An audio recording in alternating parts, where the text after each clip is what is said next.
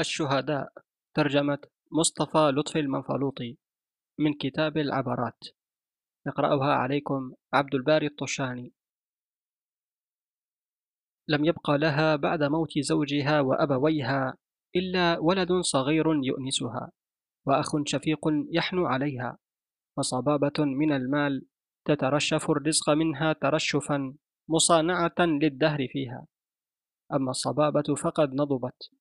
وأما الأخ فقد ضمه الدهر ضمة ذهبت بماله وبجميع ما تملك يده فهاجر هجرة بعيدة لا تعرف مصيره فيها فأصبحت من بعده لا تملك مالا ولا عضدا لقد لقيت هذه المرأة المسكينة من الشقاء في طلب العيش ما لا يستطيع أن يحتمله بشر فخاطت الملابس حتى عشي بصرها وغسلت الثياب حتى يبست أطرافها.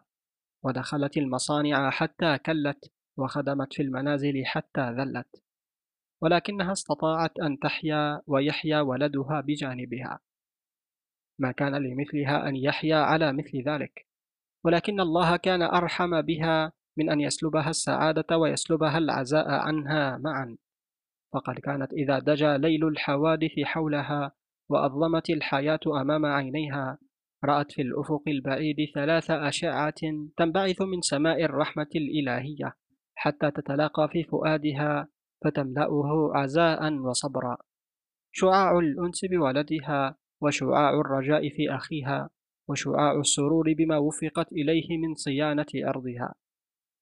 دارت الأيام دورتها فاكتهلت الأم وشب الولد وانتقل هم قلبها إلى قلبه. وكان لا بد له أن يعيش. وأن يحسن إلى تلك التي طالما أحسنت إليه فمشى يتصفح وجوه الرزق وجها وجها ويرد مناهله منهلا منهلا حتى وقف به حظه على مهنة الرسم فأنس بها وما زال يعطيها من نفسه وجده حتى مهر فيها. والمهارة لا تدل على صاحبها وحدها بل هو الذي يدل عليها بحيلته ورفقه وما كان الفتى يملك أداة ذلك.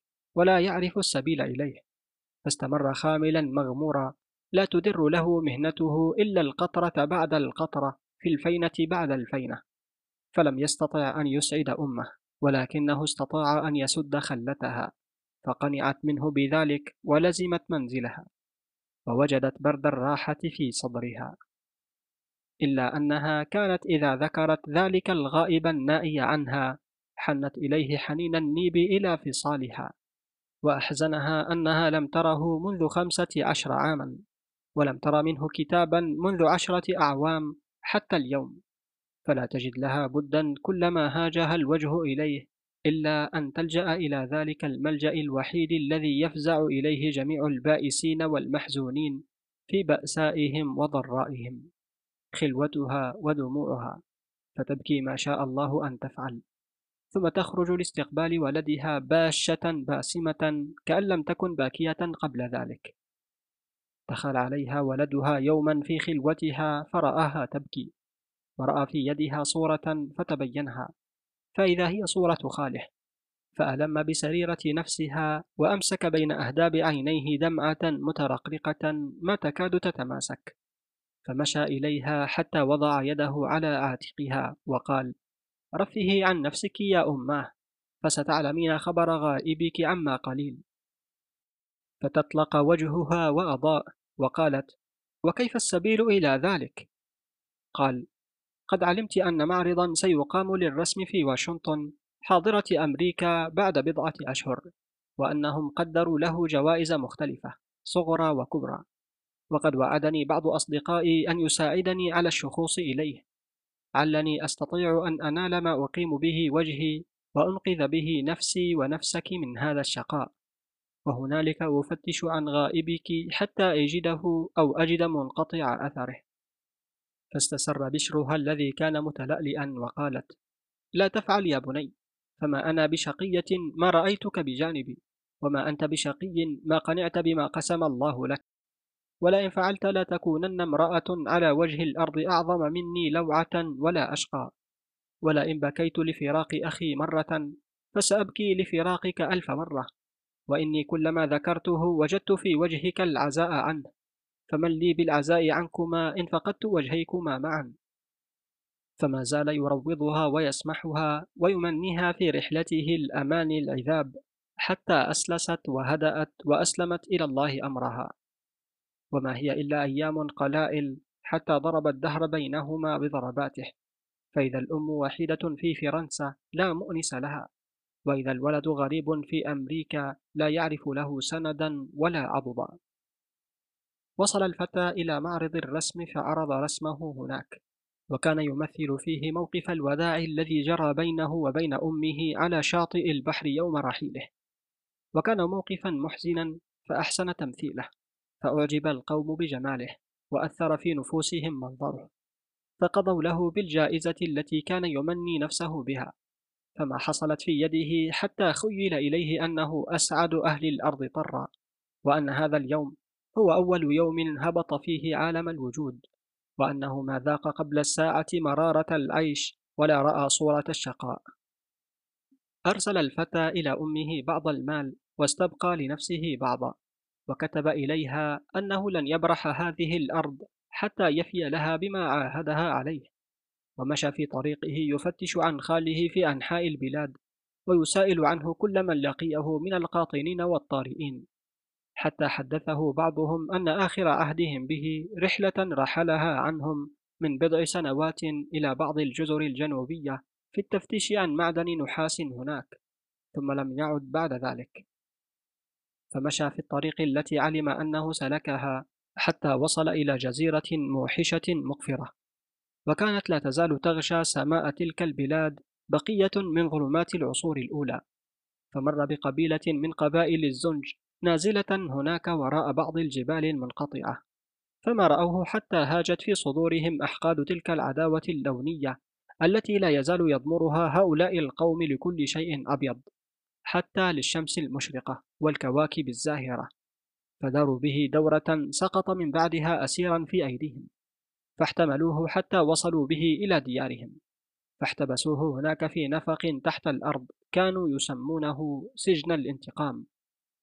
هنالك علم أن ما كان يقدره لنفسه من سعادة وهناء في مستقبل أيامه قد ذهب بذهاب أمس الدابر وأصبح صحيفة بالية في كتاب الدهر الغابر. ولقد كان في استطاعته أن يخلد للنازلة التي نزلت به ويستمسك لها لو أنه استقل بحملها. ولكن الذي آده وأثقله أن هناك إنسان آخر كريم عليه يقاسمه إياها. فقد أصبح يحمل مصيبته ومصيبة أمه فيه على عاتق واحد.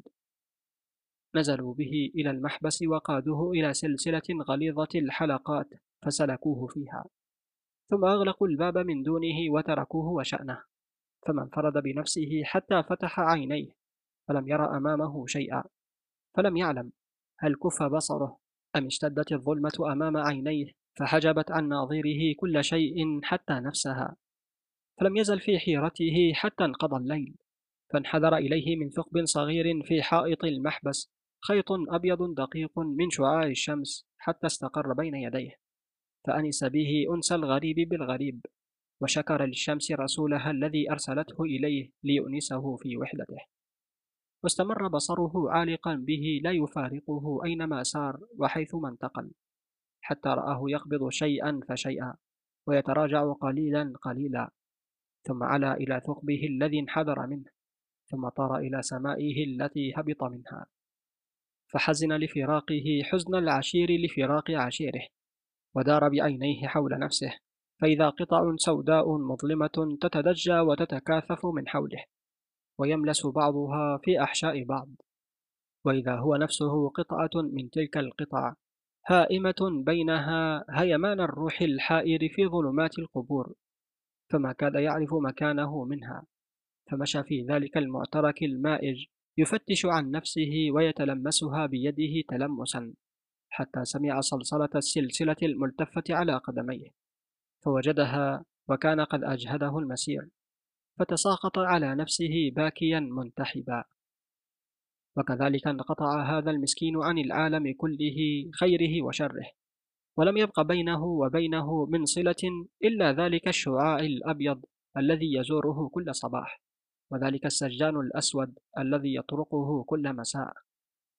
وما مرت به على حاله تلك سنة واحدة حتى نسي نفسه ونسي أمه ونسي العالم الذي كان يعيش فيه والعالم الذي انتقل إليه ونسي الليل والنهار والظلمة والنور والسعادة والشقاء وأصبح في منزلة بين منزلتي الحياة والموت فلا يفرح ولا يتألم ولا يذكر الماضي ولا يرجو المستقبل ولا يعلم هل هو حجر بين تلك الأحجار أم قطعة بين قطع الظلام؟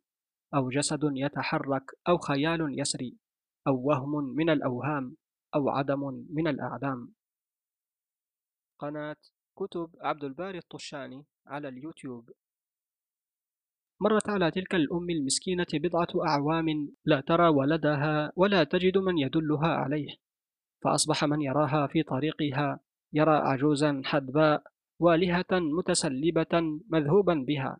قد توكأت على عصا ما تزال تضطرب في يدها وأسبلت فوق جسمها الناحل المحقوقف أهداما خلقانا يحسبها الناظر إليها لكثرة ما نالت يد البلا منها أهدابا متلاصقة أو مزقا متطايرة.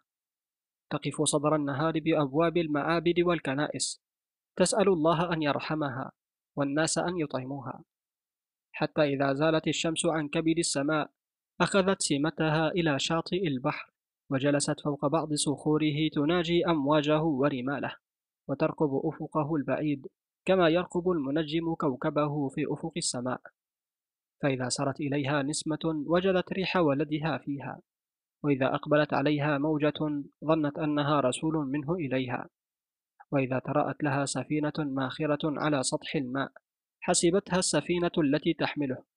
فلا يزال بصرها عالقا بها لا يفارقها حتى ترسو على الشاطئ. فتقف في طريق ركبانها تتصفح الوجوه وتتفرس الشمائل وتهتف باسم ولدها صارخة معولة وتقول عباد الله من يدلني على ولدي أو ينشده لي في معالم الأرض ومجاهلها؟ فقد أضللته منذ عهد بعيد فحار بي الدهر من بعده فلا أنا سالية عنه ولا واجدة إليه سبيلا. فاحتسبوها يدا عند الله وحدثوني عنه. هل عاد معكم أو تخلف عنكم ليأتي على إثركم أو انقطع الدهر به فلا أمل فيه بعد اليوم. فلا يلتفت إليها أحد ولا يفهم أحد ما تقول. وربما لمحها بعض الناس فظنها امرأة ملتاثة فرثى لها أو سائلة فتصدق عليها.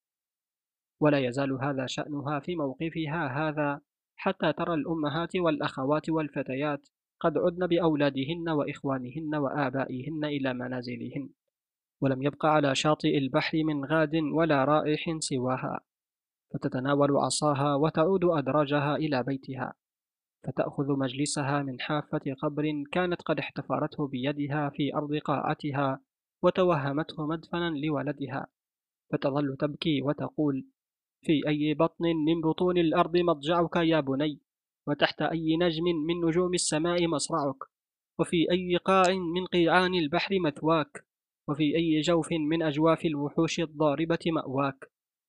لو يعلم الطير الذي مزق جثتك أو الوحش الذي ولغ دمك أو القبر الذي ضمك إلى أحشائه أو البحر الذي طواك في جوفه أن وراءك أما مسكينة تبكي عليك من بعدك لارحموك من أجلي عد إلي يا بني فقيرا أو مقعدا أو كفيفا.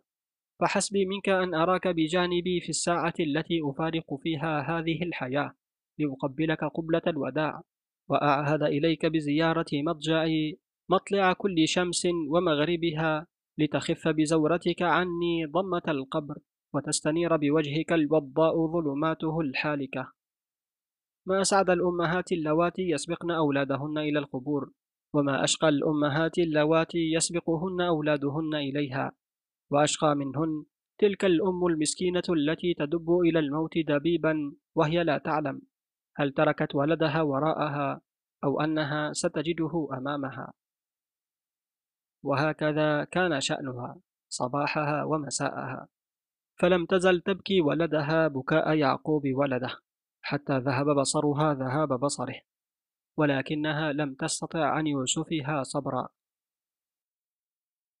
دخل السجان على الفتى عشية ليلة في محبسه فاقترب منه ومد يده إلى سلسلته المثبتة في الجدار فانتزعها عن مكانها فلم يقل شيئا ولم يسائل نفسه هل هي ساعة نجاته أو ساعة حمامه. ثم قاده إلى خارج المحبس حتى وصل به إلى صخرة جاثمة على مقربة من مجتمع القبيلة فشد سلسلته إليها وتركه مكانه ومضى ففتح عينيه فرأى مكانا غير مكانه ومنظرا غير منظره وسماء وأرضا غير سمائه وأرضه فبدأ شعوره يعود إليه شيئا فشيئا حتى استفاق فتذكر ما كان فيه ورأى ما صار إليه. هنالك تذكر السعادة والشقاء والغربة والوطن والسجن وظلمته والقيد ووطأته ثم طار بخياله إلى ما وراء البحار فذكر أمه وشقاءها من بعده وحنينها ويأسها من لقائه فذرفت عيناه دمعة كانت هي أول دمعة أرسلها من جفنيه من تاريخ شقائه وما زال يرسل العبرة إثر العبرة لا يهدأ ولا يستفيق. حتى مضى شطر من الليل وهدأ الناس جميعا في مضاجعهم فأسلم رأسه إلى ركبتيه وذهب بخياله إلى حيث شاء أن يذهب. فإنه لك ذلك وقد رنقت في عينيه سنة من النوم إذ شعر بيد تلمس كتفيه. فرفع رأسه فإذا شبح أبيض قائم فوق رأسه فخيل إليه أن ملكا نورانيا نزل إليه من علياء السماء لينقذه من شقائه. فتبينه فإذا فتاة جميلة بيضاء ما التفت الأزر على مثلها حسنا وبهاء تتمشى في بياضها سمرة رقيقة كسمرة السحاب الرهو الذي يخالط وجه الشمس في صحوة النهار فسألها من أنت؟ قالت أنا فتاة من فتيات هذا الحي وقد ألممت بشيء من أمرك فعلمت أنك شقي فرحمتك مما أنت فيه فجئتك أطلق وثاقك لتذهب حيث تشاء فلا مثوبة يقدمها المرء بين يدي ربه يوم جزائه أفضل من مواساة البائس وتفريج كربة المكروب. فعجب لزنجية بيضاء ووثنية تعبد الله وبربرية تحمل بين جنبيها قلبا يعطف على البؤساء والمنكوبين. وقال في نفسه ما لهذه الفتاة بد من شأن؟ وورد عليه من أمرها ما ذهب بلبه وملك عليه نفسه وهواه وأنساه كل شأن في الحياة إلا شأنها فلبث صامتا واجما لا ينطق وقال لها اذهبي لشأنك يا سيدتي فإنني لا أريد النجاة. فعلمت أنها ثورة من ثورات اليأس فدنت منه ووضعت يدها على عاتقه وقالت لا تجعل لليأس إلى قلبك أيها الفتى سبيلا وانجو بحياتك من يد الموت فليس بينك وبينه إن بقيت هنا إلا أن ينحدر عن وجهك قناع هذا الليل. فإذا أنت فلذ طائرة مع شفرات السيوف فلا تفجع نفسك في نفسك ولا تفجع هذه المسكينة الواقفة بين يديك. فإن شديدا علي جدا أن أراك بعد قليل ذبيحة في يد الذابح أو مضغة في فم الآكل. قال إنك لا تستطيعين نجاتي. قالت لا أفهم ما تقول فإنني ما جئتك إلا وأنا عالمة ماذا أصنع. قال قد كنت قبل اليوم موثقا بوثاق واحد فأصبحت موثقا بوثاقين فإن استطعت أن تحلي وثاق قدمي فإنك لا تستطيعين أن تحلي وثاق قلبي. فألمت بسريرة نفسه فرفعت وجهها إلى السماء ولبثت شاخصة إليها ساعة. فرفع رأسه إليها ولبث شاخصا إلى وجهها. نظر المصور الماهر إلى تمثاله البديع حتى شعر بدمعة حارة قد سقطت من جفنها على وجهه. فجرت في مجرى الدموع من خده فانحدرت من جفنه دمعة مثلها. فالتقت بدمعتها فامتزجتا معا. فمد يده إلى ردائها فاجتذبها إليه وقال قد طال وقوفك يا سيدتي فاجلسي بجانبي نتحدث قليلا. فجلست على مقربة منه فقال لها إن امتزاج دمعي بدمعك في هذه الساعة قد دلني على أننا لن نفترق بعد اليوم أحياء أو أمواتا. فإن كنت تريدين لي النجاة فإنني لا أنجو إلا بك. قالت ليتني أستطيع ذلك يا سيدي. قال وما يمنعك منه.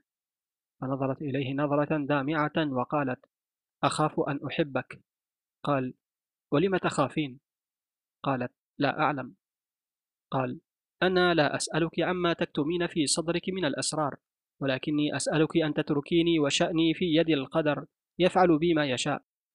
فقد كنت أخاف الموت قبل أن أراك. أما اليوم فحسبي عزاء عما ألاقيه من غصصه وآلامه نظرة رحمة تلقينها علي في مصرعي. ودمعة حزن تسكبينها من بعدي على تربتي قناة كتب عبد الباري الطشاني على اليوتيوب. فما استقبلته إلا بدموعها تنحدر على خديها كالعق وهي سلكه فانتثر. ثم مدت يدها إلى قيده فعالجته حتى انصدع وقالت إني ذاهبة معك وليقضي الله في وفيك قضاءه. مشيا يطويان القفار. ويعبران الأنهار ويضحيان مرة ويخسران أخرى ويردان آجن المياه وصفوها ويقتاتان يابس الثمار ورطبها.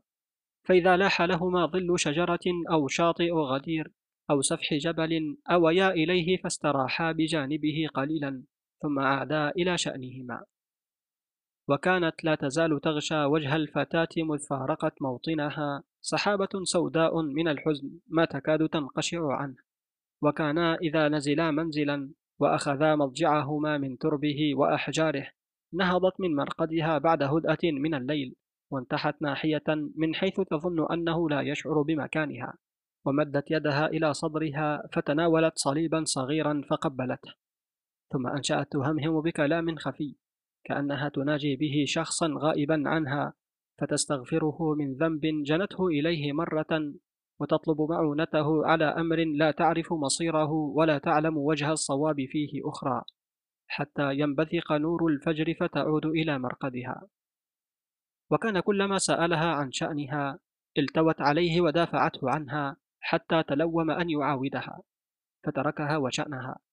وقد أصبح يحمل في صدره من الهم فوق ما تحمل من هم نفسها.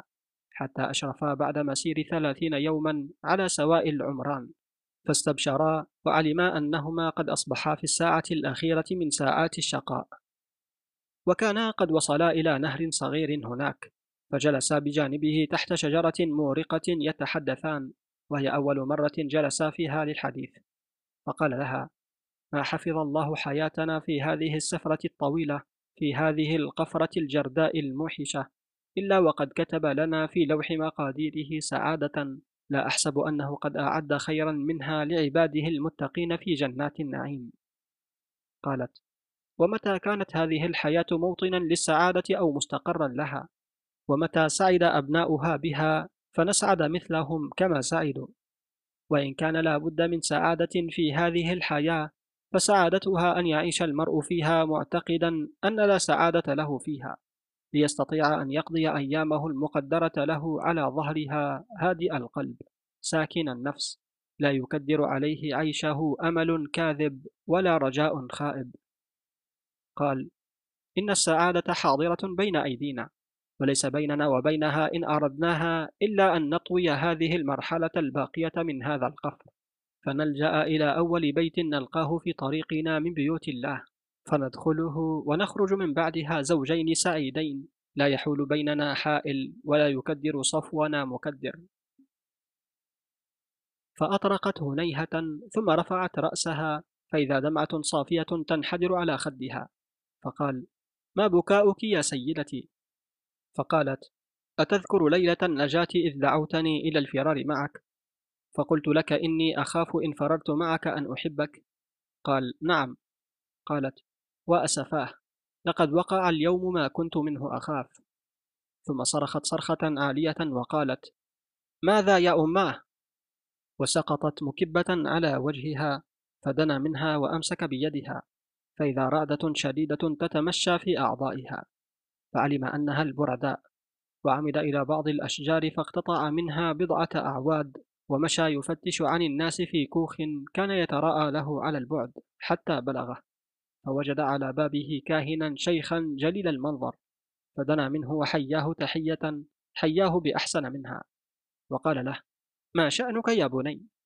قال إن بجانب ذلك النهر فتاة مسكينة تركتها ورائي تشكو البرد فهل أجد عندك جذوة نار أعود بها إليها لتصطلي بها فمكنه من طلبته وقال له كتب الله لك ولعليلتك السلامة يا بني فاذهب فإني على إثرك. فعاد الفتى عدوا شديدا حتى بلغ النهر فأدهشه أن رأى الفتاة هادئة ساكنة طيبة النفس لا تشكو بردا ولا ألما فأقبل عليها متهللا وقال لها لعل ما كان يخالط نفسك من الألم لذكر أهلك ووطنك قد ذهب بذهاب الأيام. قالت ما كان يخالط نفسي من ذلك شيء فاجلس أحدثك حديثي. فقد آن أن أفضي به إليك. فجلس بجانبها فأنشأت تحدثه وتقول أنا فتاة غريبة مثلك عن هذه الديار. لا أعرف من ساكنيها غير نفسي ولا من أرضها غير قبر قد زال اليوم رسمه وبلى مع الأيام دفينه. فقد ولدتني أمي على فراش رجل أبيض وفد من دياركم منذ عشرين عاما فالتقى بها عند مروره بحيها فأحبها وأحبته. ثم فرت معه إلى ما وراء هذه الصحراء فدانت بدينه ثم تزوجها فولداني وعشنا جميعا من الدهر عيش السعداء الآمنين. وكان رجال قبيلة أمي لا يزالون يتطلبون السبيل إلينا حتى سقطوا علينا سقوط القضاء في جنح ليلة من ليالي الظلام فاقتادونا جميعا إلى أرضهم. وكنت إذ ذاك لم أسلخ العاشرة من عمري. فقتلوا أبي أمامي وأمام أمي قتلة لا يزال منظرها حاضرا بين يدي حتى الساعة لا يفارقني. فحزنت أمي عليه حزنا شديدا ما زال يدنو بها من القبر شيئا فشيئا حتى جاءت ساعتها. فحضر موتها رسول من رسل المسيح كان لا يزال يختلف إليها من حين إلى حين.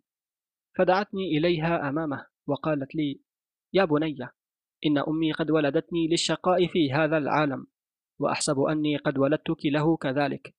فحسبنا ذلك. ولا تكوني سببا في شقاء أحد من بعدك.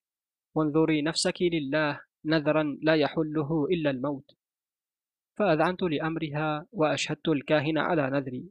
فتلألأ وجهها بشرا وسرورا. ثم نظرت نظرة في السماء وقالت ها أنا ذا على إثرك يا رفائيل. ثم فاضت روحها. فاضطرب الفتى عند سماع هذا الاسم وقال لها هل تعرفين وطن أبيك وأسرته؟ قالت نعم وسمتها له فاستطير فرحا وسرورا وقال أحمدك اللهم فقد وجدت ضالتي فعجبت لأمره وقالت وأي ضالة تريد؟ قال أتذكرين ليلة اللقاء إذ امتزجت دمعتانا معا فقلت لك إنها صلة بيني وبينك لا يقطعها إلا الموت قالت نعم. قال قد كنت أمت إليك قبل اليوم بحرمة الحب وحدها فأصبحت أمت إليك بحرمة الحب والقربى فأنت اليوم حبيبتي وابنة خالي معا. فقالت بصوت خافت أحمد الله فقد وجدت لي في هذه الساعة العصيبة أخا. وأخذ جسمها يضطرب اضطرابا شديدا ووجهها يربد شيئا فشيئا فذعر الفتى وارتاع. وحنى عليها وقال ماذا أرى؟ قالت لا ترى فأصغي إلي فإن لحديثي بقية لم تسمعها إنني منذ حفظت وصية أمي ووهبت الله نفسي كان لابد لي أن أتخذ لي ملجأ أفزع إليه في اليوم الذي أخاف أن يغلبني فيه هواي على ديني فكنت لا أزال أحمل تلك القارورة معي حتى جاء اليوم الذي خفته فلجأت إليها فنجوت وأستودعك الله. فنظر الفتى حيث أشارت فرأى قارورة مطروحة وراءها فتناولها. فإذا هي فارغة إلا بقية صفراء في قرارتها ففهم كل شيء. هنالك شعر كأن شعبة من شعاب قلبه قد هوت بين أضلاعه وكأن طائرا قد نفض جناحيه ثم طار عن رأسه إلى جو السماء. فصعق في مكانه صعقة لم يشعر بعدها بشيء مما حوله. فلم يستفق إلا بعد حين. قناة كتب عبد الباري الطشاني على اليوتيوب. ففتح عينيه فإذا الفتاة بجانبه جثة باردة وإذا الكاهن صاحب الكوخ واقف أمامه يحمل على كفه طعاما كان قد جاء به إليهما ويقلب نظره حائرا لا يفهم مما يرى شيئا. فوثب الفتى إليه حتى صار أمامه وجها لوجه. ونظر إليه نظرة شزراء كتلك النظرة التي يلقيها الموتور على وجه واتره وكأن قد خولط في عقله فأخذ يهذي ويقول أتدري أيها الرجل لم ماتت هذه الفتاة؟ لأنها وهبت نفسها لله ثم عرض لها الحب في طريقها فوقفت حائرة بين قلبها ودينها فلم تجد لها سبيلا إلى الخلاص إلا سبيل الانتحار فانتحرت تلك جرائمكم يا رجال الأديان التي تقترفونها على وجه الأرض. ما كفاكم أن جعلتم أمر الزواج في أيديكم تحلون منه ما تحلون وتربطون ما تربطون حتى قضيتم بتحريمه قضاء مبرما لا يقبل أخذا ولا ردا. إن الذي خلقنا وبث أرواحنا في أجسامنا هو الذي خلق لنا هذه القلوب وخلق لنا فيها الحب. فهو يأمرنا أن نحب وأن نعيش في هذا العالم سعداء هانئين. فما شأنكم والدخول بين المرء وربه والمرء وقلبه؟ إن الله بعيد في علياء سمائه عن أن تتناوله أنظارنا وتتصل به حواسنا ولا سبيل لنا أن نراه إلا في جمال مصنوعاته وبدائع آياته. فلا بد لنا من أن نراها ونحبها لنستطيع أن نراه ونحبه. إن كنتم تريدون أن نعيش على وجه الأرض بلا حب فانتزعوا من جنوبنا هذه القلوب الخفاقة. ثم اطلبوا منا بعد ذلك ما تشاءون. فإننا لا نستطيع أن نعيش بلا حب ما دامت لنا أفئدة خافقة. أتظنون أيها القوم أننا ما خلقنا في هذه الدنيا إلا لننتقل فيها من ظلمة الرحم إلى ظلمة الدير ومن ظلمة الدير إلى ظلمة القبر؟ بئس الحياة حياتنا إذا وبئس الخلق خلقنا. إننا لا نملك في هذه الدنيا سعادة نحيا بها غير سعادة الحب. ولا نعرف لنا ملجأ نلجأ إليه من هموم العيش وأرزائه سواها. ففتشوا لنا عن سعادة غيرها قبل أن تطلبوا منا أن نتنازل لكم عنها. هذه الطيور التي تغرد في أفنائها إنما تغرد بنغمات الحب. وهذا النسيم الذي يتردد في أجوائه إنما يحمل في أعطافه رسائل الحب. وهذه الكواكب في سمائها والشموس في أفلاكها والأزهار في رياضها. والأعشاب في مروجها والسوائم في مراتعها والسوارب في أحجارها. إنما تعيش جميعا بنعمة الحب. فمتى كان الحيوان الأعجم والجماد الصامت؟ أيها القساة المستبدون أرفع شأنا من الإنسان الناطق وأحق منه بنعمة الحب والحياة. فهنيئا لها جميعها أنها لا تعقل عنكم ما تقولون ولا تسمع منكم ما تنطقون. فقد نجت بذلك من شر عظيم وشقاء مقيم. إننا لا نعرفكم أيها القوم ولا ندين بكم ولا نعترف لكم بسلطان على أجسامنا أو أرواحنا ولا نريد أن نرى وجوهكم أو نسمع أصواتكم. فتواروا عنا واذهبوا وحدكم إلى معابدكم أو مغاوركم فإنا لا نستطيع أن نتبعكم إليها ولا أن نعيش معكم فيها. إن وراءنا نساء ضعاف القلوب ورجالا ضعاف العقول ونحن نخافكم عليهم أن يمتد شركم إليهم.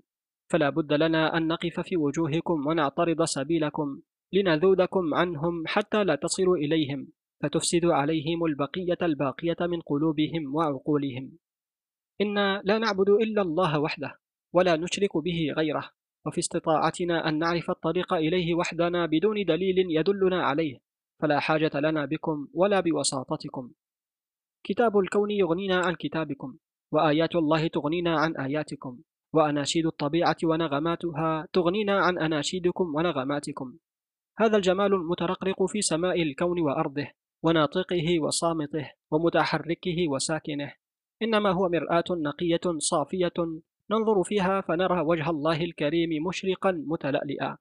فنخر بين يديه ساجدين ثم نصغي إليه لنستمع وحيه. فنسمعه يقول لنا أيها الناس إنما خلق الجمال متعة لكم فتمتعوا به. وإنما خلقتم حياة للجمال فأحيوه. ذلك أمر الله الذي نسمعه ولا نسمع أمرا سواه. وما إن وصل في حديثه إلى هذا الحد حتى ثقل لسانه ووهنت عزيمته وارتعدت مفاصله. فسقط في مكانه يزفر زفيرا شديدا ويئن آنينا محزنا. فاقترب منه الشيخ ووضع يده على رأسه وقال له ارفق بنفسك يا بني فما أنت بأول ثاكل على وجه الأرض ولا فقيدك بأول راحل عنها.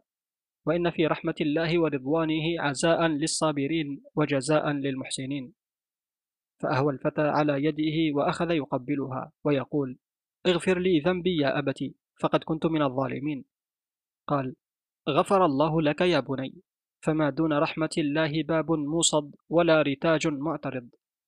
قال له يا أبتي إن هذه الفتاة غريبة عن هذه الأرض وليس لها فيها أحد سواي وقد ماتت من أجلي وفي سبيلي. فهل تأذن لي أن أدنو منها لأقبلها قبلة الوداع في آخر ساعة من ساعاتها على وجه الأرض؟ قال افعل يا بني. فزحف على ركبتيه حتى بلغ مكانها فضمها إليه ضمة شديدة وأهوى بفمه على خدها فقبلها لأول مرة في حياته. قبلة فاضت روحه فيها. الشهداء ترجمة مصطفى لطفي المنفلوطي من كتابه العبرات قرأها عليكم عبد الباري الطشاني.